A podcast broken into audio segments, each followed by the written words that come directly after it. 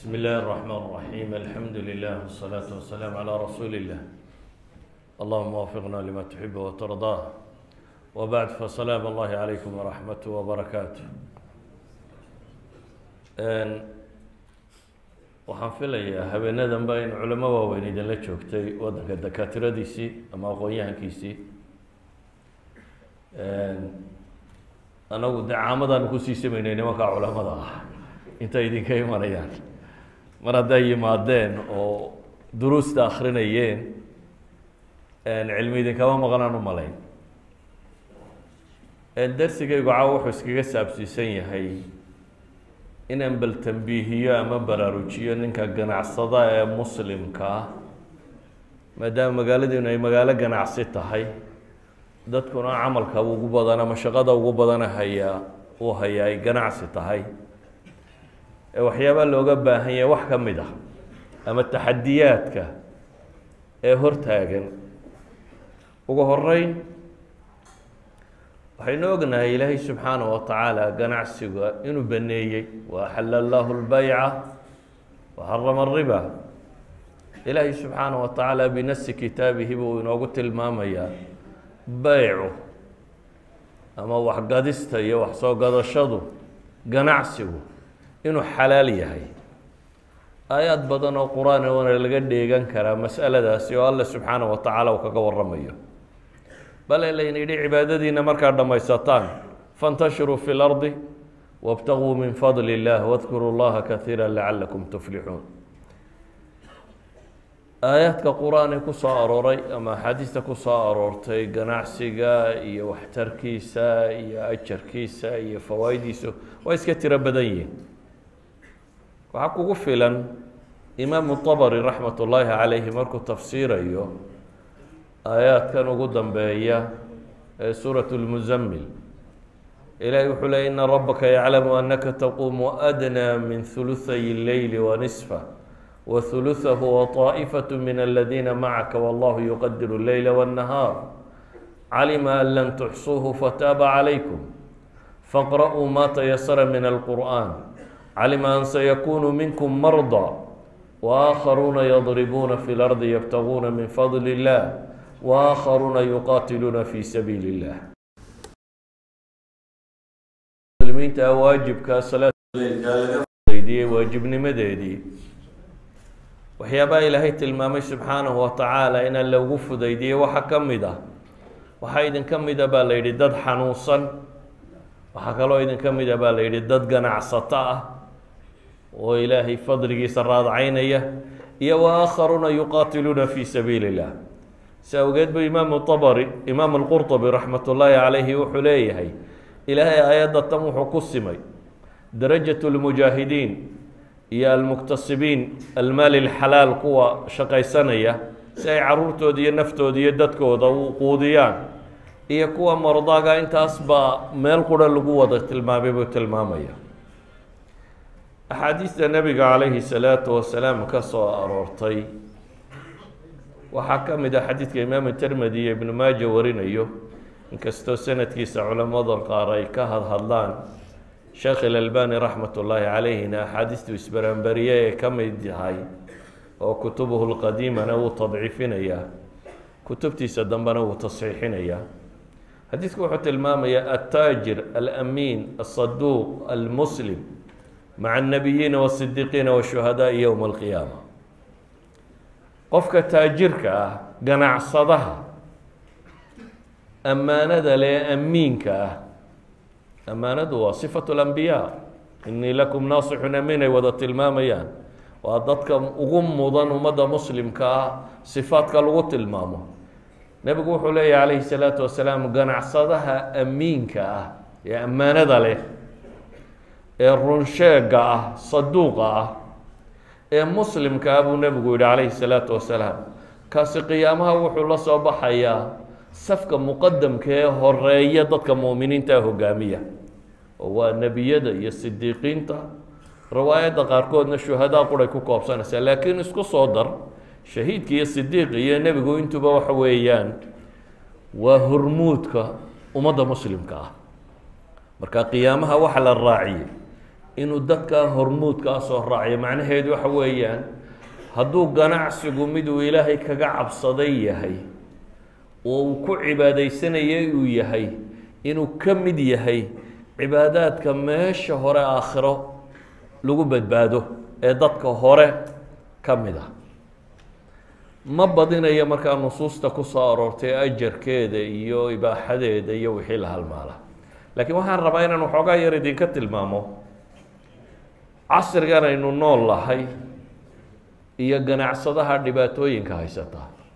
Casrigan aynu nool lahay waxay ku tilmaamaan waa casru technology casru maxay idhahdaa information. Waa information society bay idhahdaan waa bulshada warka ama macluumaadka. Macluumaadkaa badanaa la helay ee casrigan jira iyo xidhiidhkaa tirada badan leh furas wuuyey ay tahay qofka muslimkaa inuu ka faa'iidaysado. Oo waxaa la yidhahdaa casriga kan dee adigoo gurigaaga fadhiya ayaad macluumaadka ugu badan heli kartaa. Adoon gurigaaga dhanna uga bixin ayaad heli kartaa. Dunida alaabta taallo oo dhami waxay tahy qiimaha ay joogto meelaha ay taallo sida loo kala gato. Waxaad macluumaad u baahanta o dhan adigoo gurigaaga fadhiyaad heli kartaa in soomaaliduna dee waxyaabahay ku ammaanantahy waxaa ka mid ah. Waxay dhahdaan waa open society. Waa bulsho furan. Bulshada furani waa bulsho warkeedu uu si fudud isu gaadho. Mathalan east africa iyo dhulkaasi gaalo ama niman reer yuruba iyo hindi ayaa ka ahaan jiray qof waliba inta uu haysto ama itemka uu yaqaano wuu la aamusay dabeetana keligii ayaa ka baacmushtarayn jiray. Soomaalaa timi soomaalida waa open society waa dad furan. Way isu sheeg sheegtay daba iyo daclo suuqa cid walba way ka saareen. Waxay kaga saareen quri maha activity kale waa informationka. Waa warka ay siinayeen. Warkaasi ay kala helayeen ay siinayeen. Ayaa ah wax weyn. Marka la joogo caalamka maanta la joogo marka maanta caalamkaynu joogno itisaalaadku way fudud yihiin ama internet gal ama telefon dir ama kan dir ama waxaan sameeya inaad hesho macluumada aad u baahantahay oo dhan waad heli kartaa. Waxaa kaloo fudud qaabkaad lacagta u gudbin karto. Oo waagii hore dee awrkaasaa lacagta la saari jiray oo la sii safri jiray oo bilo la sii socon jiray. Haddana waa swift waa mobilekaad sidato aad dhowr badhan taabato ayaa lacagtu dunida dabadeeda ku gaadhaysaa adna kugu soo gaadhaysaa idan itisaalaadkii oo dhami wuu fududaada taxwiilaadkii lacagta oo dhami wuu fududaada muwaasalaadkiina waa fududaadeen. Wixii wax la saari jiray. Dareen dayuurad markab wax walba waxbaa la soo saaray. Iyana wuu fududyihi xaggaa marka laga eego tijaaradu casrigan way ka fududay cusuurtii hore. Oo waa furas. Laakiin dhan kale marka laga eego qofka muslimkaa cidhiidhi badan bay ku tahy waayo nidaamka caalamiga ee dhaqaale wuxuu ku salaysan yahay nidaam aan islaami ahayn. Waxaa hormuud ka ah dad gaaleed waxaanay bays uga dhigeen oo uu ku salaysan yahay nidaam ribowiya sida daraaddeed waa nidaam dulmi iyo khiyaamo iyo guud ahaan markaynu duuduubno xalaal iyo xaaraan aan loo kala eegeynin marka taajirka ganacsadaha muslimkii wuxuu u baahan yahay kow inuu kala garto acyaanta maxaa xalaala maxaase xaaraana shareecada markaynu eegno xaaraantu waa wax yar yar yar yar yar waxa kaloo dhami waa xalaal. Maalan waxa la cunoo dhan qur'aanku dhowr shay buu tilmaamay bes. Sunnaduna wax yaroo kooban bay ku dartay marka sidaa loo eego xaaraantu waa farakuturis waa kow iyo laba iyo saddex iyo afar iyo shan wax lo odhan karo. Xalaashuna waa waxa soo hadha laakiin markay tijaarada gacanta ku qabteen cid aan muslim ahayni waxay noqotay xaaraantii yarayd ee ahayd in wax walba la saar saaro. Sidaa ogeed acyaantu waxa caynta uu qofka muslimka iibinayo waa inuu garanayo. Tusaalayaal baan idin sii kooban. Maanta industriga ama warshadda waxaa loo yaqaano dad aan muslim ahayn baa gacanta ku haya waagii horena reer galbeed oo qaarkoodna ahlu kitaab yihiin qaarna diinlaawayaal yihiin baa gacanta ku hayay. Imikana eshiya ku soo biirtay oo ama malaaxido ah siday u badan yihiin chinisku ilaahba rumaysnayn. Ama hinduus iyo beliya baas kale ah iyo buudiis idan diinlaawayaal kaloo ahlu kitaabku ka sokeeyaan oo ka sii fog ahlu kitaabka warshaddu markay shayga sameynayso laba shay baa asalo ay ka fekertaa shayga taklifadiisu inay jabnaato iyo availability. inuu productionku aanu kaal kala go'aynine aada heli karto wafradiisa inuu mutawafir yahay dunida waxaa badani wuxuu noqday ee mutawafir agtooda ah matalan waxaa la cuno oo dhan markaad eegto ama daawo oo dhan eegto. Waxaasoo dhan in badan oo ka mid ah ama dufan xaaraanaa ku jira ama alcohol xaaraanaa ku jira ama neef aan la qalin wixii baa ku jira ama doofaar wixii baa ku jira. Waayo iyagaa more available iyagaa la helaya waxaa laga yaabaa waxyaabaa qaarkood haddan ka waramo inaad ka yaqyaqsootaan. Waayo dadka waxaa ka shaqaynaya waxaan see loo helaa. Tusaalaan ku siin. Cosmeticska dunida la isticmaalo qeybo ka mida proteinska lagu daro. Qaarkood dhakhtarku wuxuu daadiyaabaa laga soo saaraa. Caruurtan yarare la soo daadiya soo mataqaanayn abortionka? Maydkan caruurtan la daadiyey qaarkood baranbaro la beeray beed baranbara laga soo guraa baranbarada soo mataqaanayn proteins baa laga soo guraa qaarkood kaadida bini aadamkaa lagala baxaa proteinska qaarkood kaadida bini aadamkay kala soo baxaan.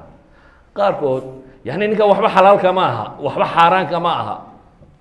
Qof bini aadam aan waxbaba xaaraan agtiisa ahayn. Oo haddana isagu gacanta kuugu hayo wixii la sameynayey walidaalika waa laga yaabaa inaad aragto. Waxa ugu yara aynu iibina waa nacnac hargeysa dhexdeeda anigoo marayaa nacnac iibsaday dhowr iyo sagaashankii markaasaan furay. Waxaa ihi war barorta aan akriya waraaqda yara ku qoranayso jallaatiin baa ku jira. Yacni xabada nacnaca ka bilow ilaa waxa ugu sarreeya. Wax waliba waa ku jira. Taa maxaan uga dan leeyahy taajirka muslimka ahi waa inuu og yahay waxa uu iibinayaa contentiska wuxuu ka samaysan yihi waxaan uu iibinayaa qofka muslimka ahi uu soo qaaday ee dunida dabadeeda ka keenay ama sharaab ha noqoto ama cunno ha noqoto ama daawo ha noqoto ama waxay doonaysa ha ahaato. Waxaan la sidaa inuu yahay wax xalaal ka yimi iyo wax xaaraan ka yimi. Xaaraanta waa yartaynu dhe laakiin ogaan bay meel walba u saarsaareen waxaan leenahay markaa qofka muslimkaa waxa hortaagan taxaddi alxalaali walxaraam ugu horeyn tijaaradaada see baad uga ilaalin lahayd xaaraanta see baad uga dhigi lahayd wax xalaala. Bini aadamka waa iskaga abuurantay xoolo jacaylku oo xoolaa waynu jecelnay wainahu lixubi اlkhayri la shadiid watuxibuuna almaala xuban jama bini aadamku xoolaha aada buu jecelyahay inuu helo laakiin qofka muslimka ahi wuxuu u baahan yahay inuu iska hubiyo xoolahaasi meesha ay ka soo gelayaan. Waa waxyaabaha laynagu beeray si laynoo itixaamo nabigu calayh salaatu wasalaam waa kii tilmaamayay qofka bini aadamkii haddii laba waadiyo dahaba uu haysto labtaqa thalis buu dalbaya mid saddexaad buu raadinaya.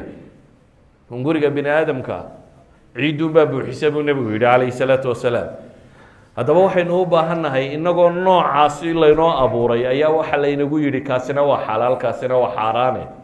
Kaad qaadataa baana lagugu abaal marinaya dhanka kalena nafta bini aadamkii markay ururisana waxaa laynagu itixaamay kale waxaa ka mid a uxdirat ilanfusu shux waxaa laynagu xaadiriyey bakhaylnimo wa kaana alinsaanu qatuura. Nebigu wuxuu tilmaamaya yahra bnu aadam bini aadamku waa gaboobaa laba shay laakiin ma gaboobaane dhallinyaradu mu ahaadaa. Xoolo jacaylka iyo ilaalintooda iyo cimriga iyo amalkaa dheer iyo da-daas in la sii jiro bini aadamku kama gaboobo maxaa ku saaran marka? Dunida waxa yaallaa baynu idhi waa nooca ah. Technologigina wuxuu fudaydiyey wax walba in la qaabeyn karo. Wax walba in la qaabeyn karo. Wax badan oo aanad adigu sawiranayninna inay cunooyinka ku jiri karaan. Matalan cunadu daasadaha ku jirta wax dhadhan loogu sameeyaa lagu daraa. Oo chemicalska marka la isku walwalaaqo wax dhadhan u sameeya. Waxa dhadhanka u sameeya xaggu ka yima isweydiin leh. Waxaa lagu daraa wax isku haya inaanay kala miirmin oo iskasoo waxa isjiidadkiisu inaanu kala bixin ayaa lagu daraa. Waxaa lagu daraa wax cimri dharar u sameeya inaanay hore u xumaanin waxaa lagu daraa conton shay. Waxaa lagu daraa qaar midab loogu yeelo. Waxaasoo dhami. Cunadii caadiga ahayd baa lagu walaaqaya cunadii xalaasha ahayd ee caadiga ahayd baa waxaan inta la soo qaada lagu adigu waxaad moodeysaa inuu beris khaliya yahay ama inuu fuul khaliya yahay ama inuu cambe yahay baad ugu haysataa. Laakiin waxa ku walaaqane ku guda jira way tiro badan yihiin sida awgeed waxaan leenahay qofka taajirka ee muslimka ahi weliba dowladaheennan burburay aan cid waxbaadhaba lahayn. Waa laga yaaba meelaha adduunka dowlado adagi ka jiraan inay dowladuhu laab leeyiin iyo wax baadhaan oo censorship oo maxaa la soo deynayaa se maxaa la soo deynaya in la isweydiiyo. Waxaan leenahay cala lmuslim bay maanta waxoo dhami saarantay. Qofkan taajirka ee muslimkaabaa waxaasoo dhami saarantay. Inaad xalaal iyo xaaraan kala dooratid yaa ayuha arusulu kuluu min alayibaati wacmaluu saalixa yaa ayuha aladiina aamanuu laa takuluu amwaalakum baynakum bilbaatil xoolahaas qaabkay kugu soo gelayaan inaad xalaalnimadooda ilaaliso waana kuu nebigu tilmaamaya calayhi salaatu wasalaam waxyaabaha ugu badan ee qofka diintiisa fasahaadiya inay ka mid tahay maalka iyo mansabku nebigu yihi laba yeey ama laba waraabe oo adhi lagu sii daayey ugama fasaad badno qofka. Siday diintiisa u fasaadiyaan maxay? Xirsu lmari cala almaali waasharafi lidiini qofku xoolaha jacaylkoodiiyo si u ururinayo iyo sharaf iyo maamuus iyo magac iyo mansab iyo dowladnimo siduu u raadinayo. Aakhirana ilahi wuxuu leeyay qaar inta la soo taagay inay ku halaan hali doonaan maa agnaa canii maaliya halaka canii sulطaaniya xoolihii waxba igama tarin. Iyo sulطaankii iyo maamulkii iyo wixii aan haystay oo dhan. Casriga dambana wuxuu nebigu ku tilmaamay inay ummadda zaman ku iman doonto laa yubaali lmaru maa akhada minhu. Amin xalaalin am min am min alxaraam wakti aanay dadku uba aaba yeeli doonin waxaan soo gelaya ma xalaal baa mise waa xaaraan? Weliba soomaalidu laba dhibba way qabtaa. Markay dhanka maalka joogto dhaqan hore qadiima way qabaan. Oo waracu ku yaraa soomaalidu geelay qaadi jirtay soo maha geel nin muslima foofsaday oo halkaa uu dareersaday saaka ayaa inta la qaadaaba weliba ammaan loo haystay. Idan tii baadiyuhu dhaqankeedii hore kaasuu ah tii magaaladuna waxay noqotay in la isweydiiyo wuxuu lacag matay. Waxaan ku soo gelayaa lacagun maye inaan loo eegin ma xalaal bay kaa soo gelaysaa mise xaaraan bay kaa soo gelaysaa ta dadka ka dhaxaysa iyadu kumaba sii jirto. Dowladaha iyo meelahaasi lacalla dadka wax isku darsadaa in badan inay isboobaan. Lacalla waxay u badan tahay dadku. Masalada maalka waa masalo adag. Sida awgeed waxaynu leenahay laba shayba waad u baahantihiin kow marka hore waxaana iibinaysaan xalaal iyo xaaraan waxay yihiin inaad garataan. Marka labaadna dee sharciga u egtaan dhankii kale ee wax iibinta iyo wax iibsiga iyo sharci bua jira ilaahay inoo soo dejiyey. Sharcigaa la inoo soo dejiyey waxna xalaal buu ku tilmaamaya waxna xaaraan buu ku tilmaamaya. Waxna waxaa lagu tilmaamay inay maxay yihiin mutashaabih ama shubahaad inuu ku jiro. Nebigu wuxuu u tilmaamay ninka waxyaabaha xataa madmadow kaga jiraan kaga tagaa inuu kaasi diintiisa dhowrsaday. Ka ku dhiirada waxaa madmadowgu ku jirana inuu ismiga ku dhacayo sida awgeed taxadiga labaad aan tilmaamaya ama challenge-ka ama caqabada labaad ee dadka soomaaliyeed haysata ama muslimkaba intooda badan haysata waa jahliga diinta jaahilka laga yihi salaada inkastaba ha leekaatee waxbaynu ka baranaa ugu yaraan weysadu waxay ku burta iyo waa naqnaqaan ah cumuuman salaada waxay ku asaxday arkaanteeda waa naqaanaa. Laakiin haddaynu isweydiino yaa weli beecu fadhiistay oo bartay. Maca طulaab alcilmiga ku dar. Xataa kutubta la dhigo inta badan طulaab alcilmiga dee cilmigan dambe ee gabadh gabadha ahi inta baabka cibaadaadka marka la qaataaba la iskaga tagaa. Walidalik baan arkayay nin culamadii soomaaliyeed hore ka mido minhaajka markuu bilaabayo kitaabulbeyc buu ka bilaabi jiray. Wuxuu odhan jiray kolley waa ka tegeysaan kane gamaaliday ka bilaabaya buu odhan jiray. Sababta waxay tahay waxa yar dadka intuu fadhiistay isweydiiyey war muxuu beyca ku asaxaa shareecadu maxay ka qabtaa? Sidee wax loo iibiyaa? Ilaah iyo rasuulkiisu maxay inooga sheegeen waxiibka bale waxaad mooddaa inaynu u dhadhownahay.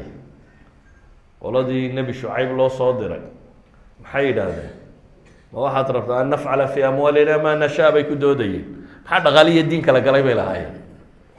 Dhaqaale iyo diin maxaa kala galay? Tijaare iyo diin maxaa kala galay? Laakiin waxaan leeyahay masalada labaad ee madowgu ku jiraa markaa waxay tahay. Xadiidkii alab lcilmi fariida calaa kuli muslim ibnu maaja warinayey sanadkiisa inkastoo culamada qaar ay ka hadasho imaamu axmed iyo bayhaqi iyo nawowi iyo qoladaasi daciifisay haddana albani iyo suyuud iyo rag kale waa tasiixiyeen. Laakiin macnaha xadiidka culamadu isku waafaqsantay. In cilmiga la dalbaa oo qofka wixii farad isaga ku ah haddaad guursanayso cilmiga guurka inaad barataa dee waajibuu kugu yahay. Gabadhu maxay kaaga furmaysaa? Iyo maxaad ku qabaysaa iyo maxay xaq kugu leedahay haddaad tijaareynaysana waajib ay kugu tahay inaad barato. Maxaa tijaarada ka banaan maxaanse ka banaaneyn haddaad salaad tukanaysana waajib ay kugu tahay salaadda inaad barato. Idan qof walba diinta waxa kaga waajiba inta khusaysa. Sida awgeed waxaynu leenahay dadka tijaarada ka shaqeeya haddaad can jahlin ku gasho waxaad walaaqdo dee akhre waa lagu qabsanaya adigoo awoodi karaya inaad barato. Adigoo awoodi karaya inaad barato haddaad intaad iska bilowdo un tidhaahdo war waa insha allah waa iska hagaagaysa de anaa lacagtumaan dhiibaya isna alaabtumaan ka qaadanayaaye. Maxaa kale layga baahan yahay hadduu arrinkaagu gaadho? Waa lagu dabaqaya si awgeed waxaynu leenahay taajirka muslimka ah korkiisa waxaa saaran axkaamta beyca iyo shiraaga ku soo aroortay iyo baabilbuyuuc wixii ku soo arooray inuu barto si uu uga baxsado ribe iyo maysar iyo wixii shareecadu mamnuucday oo dhan si uu uga baxsado. Si awgeed ba imaamu nawowi raxmat ullaahi caleyhi majmuuciisa wuxuu ku tilmaamaya beeca iyo nikaaxa iyo wixii la halmaala ayuu wuxuu ka soo naqlinayaa nuquul imaam alxarameyn iyo ghazali iyo qoladaasoo leh waxaa mutacayina qofku marka uu rabo intuu waxaa qabto inuu barto shuruudooda iyo waxay ku asaxisiyo waxaasi. Markaasuu isagu wuxuu leeyahy war tacayunkaa horeba ka kaale waxa xaaraama inaad bilowdaba. Waxa xaaraana aliqdaam calayhi ilaa bacda macrifati sharطi marka la garto un baad bilaabi kartaa buu tilmaamaya a'imadii muslimiintii horena cumar bin alkhadaab baa wuxuu odhan jiray war ninkaan axkaamtaasi garanayno laa yabci fii suuqina ilaa man qad tafaqaha fi ddiin suuqa iyaga iyo wax ku iibinin nin diinta gartay mooyaane nin diinta fahmay mooyaane. Taa macnaheed waxa weeyaan dhanka kale haddaan idinka tuso wixii a isleediin qaanuuniyan waa lagu dhacayaa legal termska waa u egtaan intaa looyar u tagtaan baa contracga ugeysaan oo tidhaahdaan bal hadda contracga kan eeg sharcigaas u waafaqaya iyo waxaa wixii ku saabsan cashuurta dowladda iyo waxaasi waa soo barataan. Waxa laydinkaga yeelanayo si ama uga gorgortantaan ama uga baxsataan ama u si dab kastaba ha noqotee. Waad isku daydaa inaad wax ka soo ogaa wax allaaliya waxaa idinku xidhan haddaad wax iibsanayso haddaad imika guri iibsanaysa ama meel iibsanaysa inta badan iskama qaadatay waxaad tidhaha nootayadayna gee nootayadu muxuu qabanayaa qaanuunkuu kuu eegaya wuxuu waafajinayaa shuruucda meesha taalla. Oo maxaad diiday inaad diinta u eegto marka? Inta kaleba waad u eegi garanaysaaye inta kaleba waad u eegi garanaysaa. Waanad raadinaysaa aqoonteeda. Maxaad diiday markaa inaad u eegto? Waar ma ku bannaanta mise kuma bannaana waxay dhahaan tujaartii hore muslimiinta ahi waxay lahaan jireen niman fuqaha ah oo la taliyo ah. Qaarkoodna waxay lahaan jireenba fuqaha ay ku daraan safarkooda. Oo safarkaasi intuu maqan yahay wax soo gadanayo waxaasoo dhan ka eega. Beeca wixii xalaal u dhacaya waxa xaaraan u dhacaya. Tusaale kale aan siiyo. Markaad gabadh guursanaysaan waxaad tidhahdaan wadaad inoo doona. Gabadhaad guursataan miya jirta iyadaan wadaad joogin hadda wadaadku shaqaba kuma leh. Gabadha guurku wuxuu hasaxaa maxay? Dee weligeedii iyo ninkii bixinaya iyo markhaatiyadii intaan laysla helo ayuu ku asaxaa wadaadku shaqo kuma leh. Haddaa maxaa loogu yeedhaya? Waxaa loogu yeedhayay. War bal inaga hubi waxaanaanu wadnaa inuu sharciga waafaqsanya intaasuu wadaadku u fadhiyay meesha siiqadan ay u dhacayso ku guuriyey ma siiqo saxa ma tahay? Markhaatiyadani markhaati galeen ma yihiin. Ninkani weligii bal ha sheekh kitaabka u ego hubi. Intaanaanu wadnaa oo maxaad diiday markaad wax iibsanaysa inaad tirahdo bal sheekh hadda kitaabka u ego intaanaanu wadnaa ila waa isku mid. Kitaabka nikaaxa iyo kitaabka beeca waxba uma dhexeeyaan. Waa isku mid. Kanba waxaad ogolaatay in sheekh loo tago la la eego wuxuu saxmayay mise ma aha? Kanina waa la mid marka. Saa awgeed waxaan leeyahay marka hore waxaynu iibinayno acyaantaynu iibinayno maxaa xalaal iyo maxaa xaaraana? Wadaadkuba laftiisu wax badan kama oge cidda wax ka og weydiiya. Oo baadi doona. Oo waxanaa gadaysaan iska hubiya. Waxaanaad gadaysaan iska hubiya marka labaadna waxaan leenahay sida wax loo iibiyo wax loo gado wuxuu sharcigu ka qabo. Waa la baran karaa. Laba saddex maalmood baa kugu filan oo kors fiican lagu siiyo. Oo aad baysiga fahamtid usuusha aada garatid wixii masale markaa madmadow galana aada ula tagtid sheekaaga la taliyaa ku ah markaa kuwa muftiga ah. Aada wixii masale madmadow galana weydiiso. Laakiin inta bayska ah asalka ah dee inaad cidna u daba fadhiisan aada ogaato oo aad garatid subax walba dukaankaad furaysaa iyo dukaanku wuxuu beeciisu ku asaxayo waxaanu ku asaxaynin qadiyadda labaad ama saddexaad aan tilmaamaya waxa weeyaan. Tijaaradu iyo xoolo dhaqashadu inaanay cibaadada kale inaga mashquulin. Inaad noloshoo dhan ka dhigin lacag see loo helaa oo marka waagu bariyo intaad ka lahdo. Habeenkii marka la seexanayo inaad soo fadhiisato. Intaana shilin un sidii loo heli lahaad ku maqan tahay.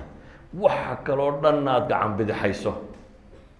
Markaa waxaad soo baxaysaa cabdu dirhami wa dinaarku uu nebigu sheegayay inaad dirhamka iyo dinaarka addoon aada u noqoto taajirka muslimka ahi ilaahay cibaadadiisa iyo diintiisa kama mashquuliso tijaaradu saa daraaddeed baa ilaahay qur-aanka kuwa ammaanayana wuxuu yihi rijaalu laa tulhihim tijaarat walaa baycun can dikri اllahi waiqaami الصalaati waitaaءi الzakaat yakhaafuuna yowma tataqalabu fiihi اlquluub wاlabsaar masaajidda kuwii camiraya waxaa lagu tilmaamay inay rag yihiin aanay ka mashquulinin ganacsiga iyo waxiibsigu ilaahay xuskiisa iyo salaada oogisteeda iyo zakada bixinteeda aanay ka mashquulinin.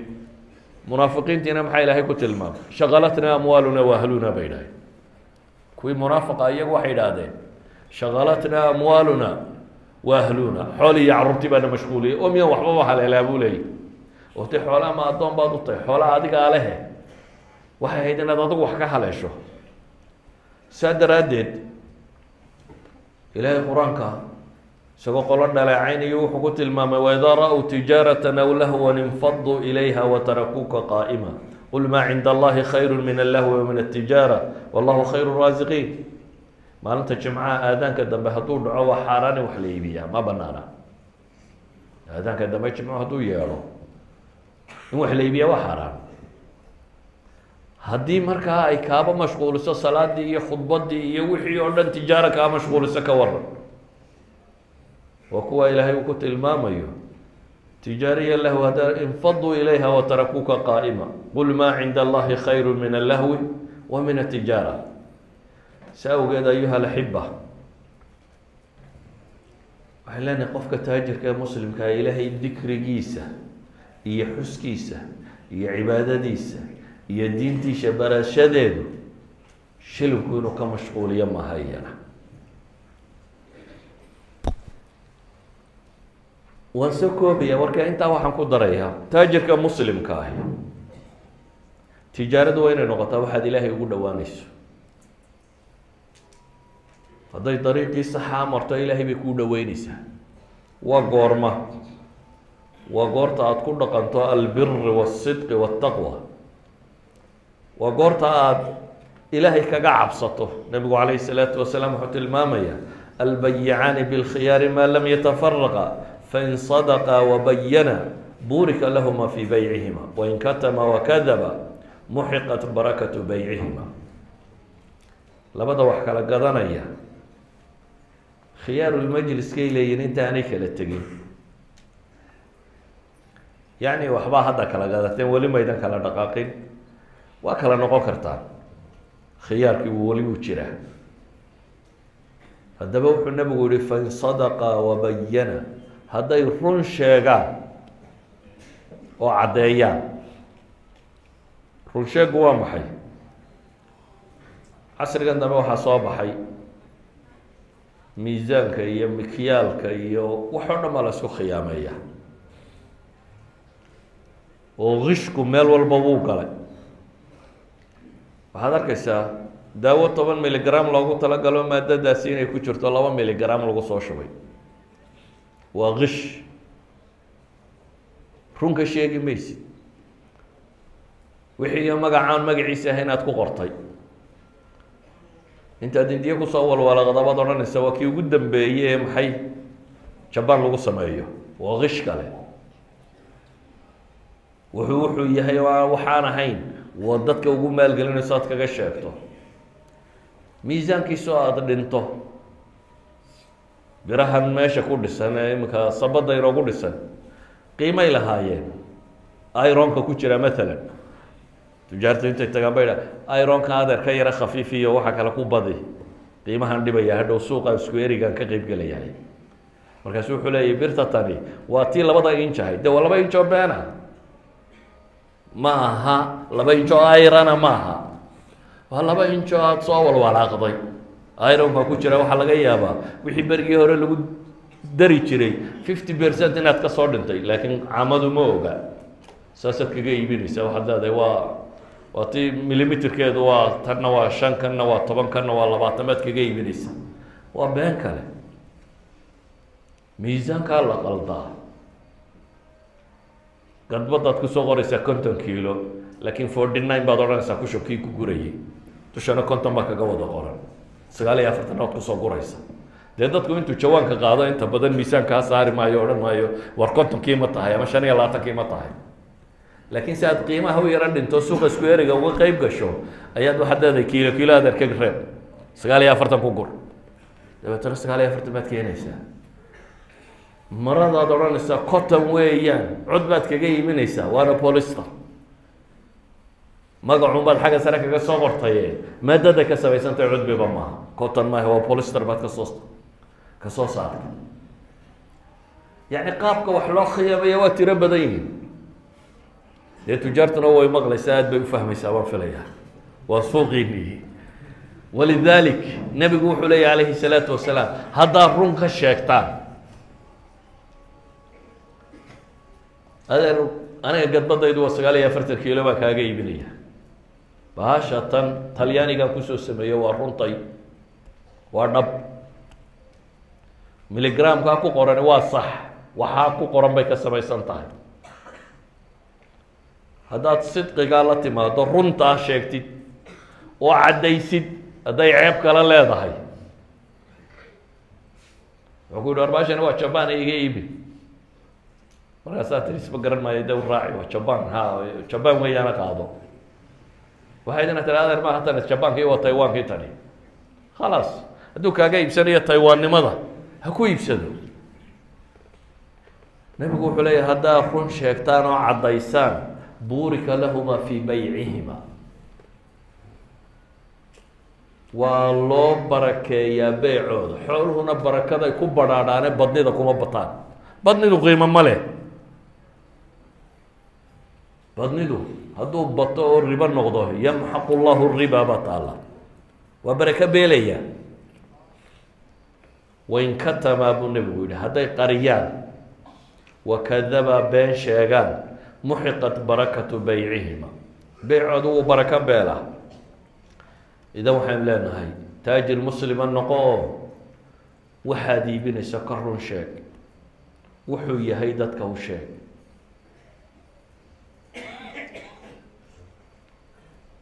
been ha ka sheegi.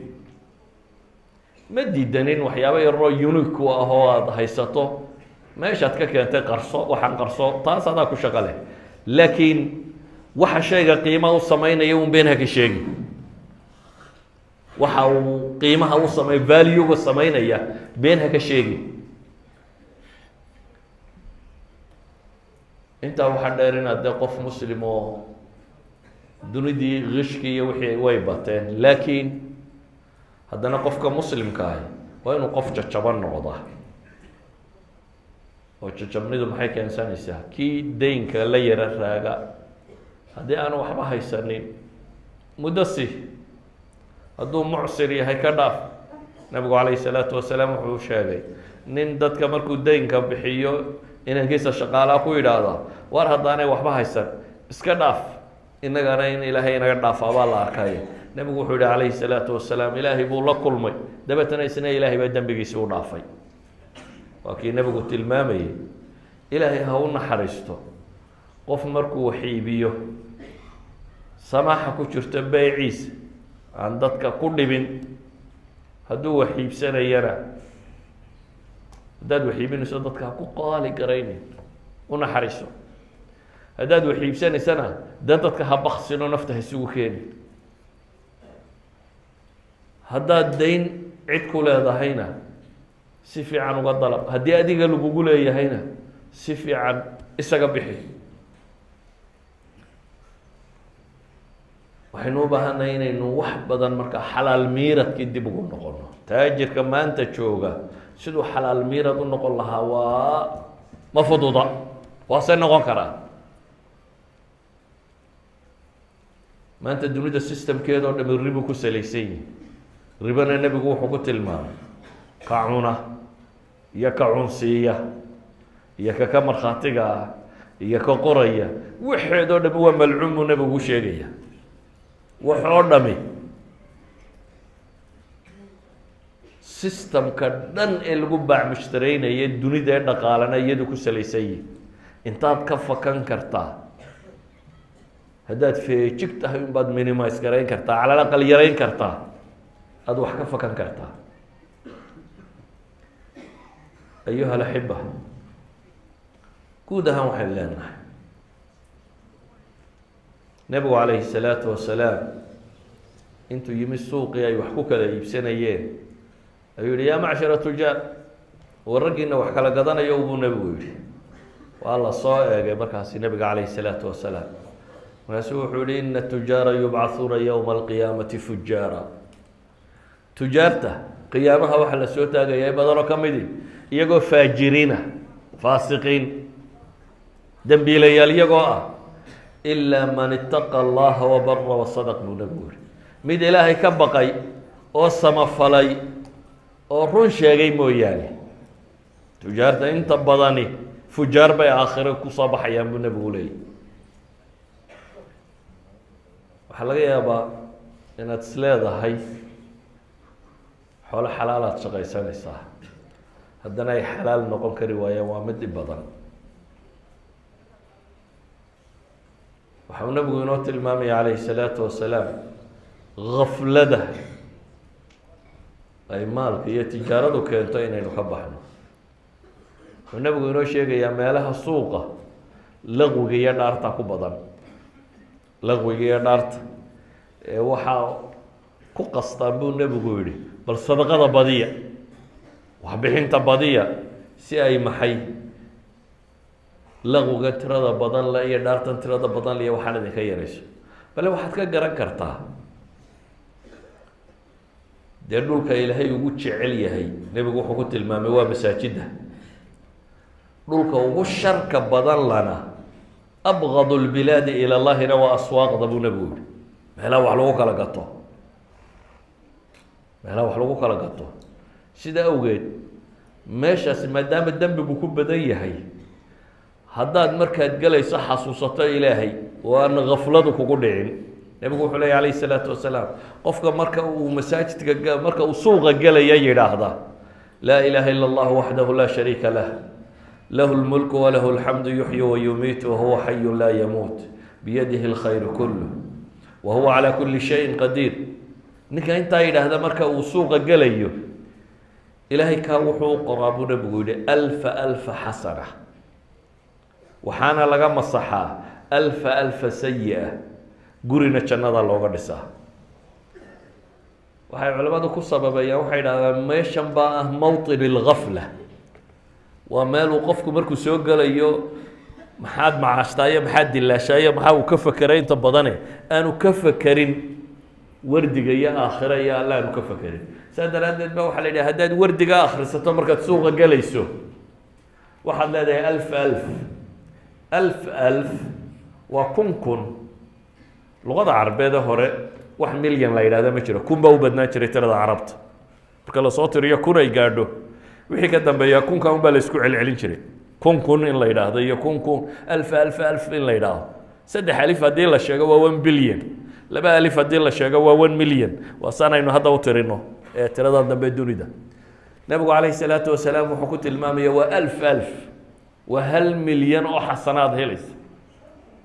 Hal milyan oo sayi-ana waa lagaa masaxaya gurina jannada lagaaga dhisaya laakiin ma haleelaa su'aashu waa taa ma haleelaa markaynu suuqa gelayno inaynu intaan idhaahno waxaynu u baahanay marka si awgeed baa salman alfarisi.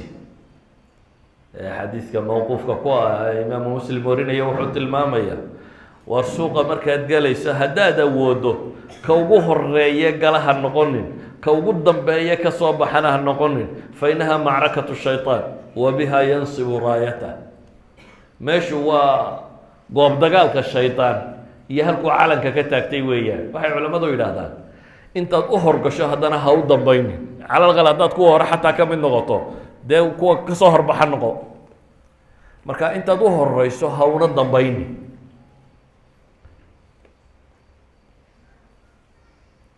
waxaan filayaa waktigii salaada male waa gaadhay waxaan ku soo koobayaa taajirku inta aanad bini aadamka la tijaaraysan ilaahay la tijaarayso. Ilaahay la ganacso. Oo sidii aada tijaaradaa ugu janno geli lahayd ee aanay lacagoo quro u noqoteen ay u noqon lahayd jannadana wixii ku gelin lahaa tijaabi.